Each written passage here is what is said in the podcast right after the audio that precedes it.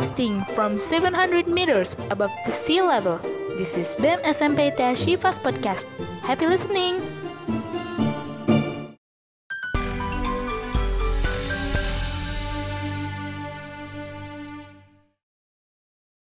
Eh woi sumpah, masa si Ina pakai baju nggak jelas banget, gak nyambung gitu, alay banget, hahaha. Hmm, kayaknya asik banget ya gibahin orang lain, sampai-sampai gibah tuh dibilang merekatkan persaudaraan. Lucu sih, dengan gibah bisa ngejauhin yang deket. Coba-coba, tahu nggak sih arti gibah tuh apa?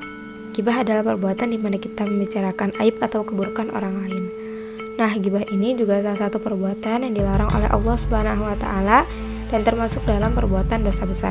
Ih, nauzubillah banget, emang kamu mau dapat dosa besar? Nauzubillah ya, semoga enggak.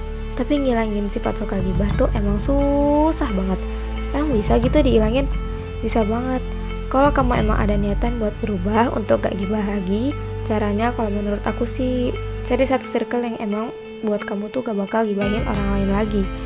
Kayak misal, kamu cari temen yang emang gak suka ngomongin orang dan merujuk kepada hal-hal positif Hmm, emang bakal susah sih, tapi kalau kamu ada niatan, pasti gampang. Ih, apaan sih orang gibah asik gini? Selagi orang yang ngedenger, gak apa-apa elah santai aja. Hei, coba deh kamu cobain makan bangkai saudara sendiri. Mau nggak? Ih, gak mau, baunya aja udah enak, gimana mau makannya? Aku makan bangkai saudara sendiri gak mau, tapi ngegibah mau. Nih ya, mending dipaksa masuk surga daripada rela masuk neraka.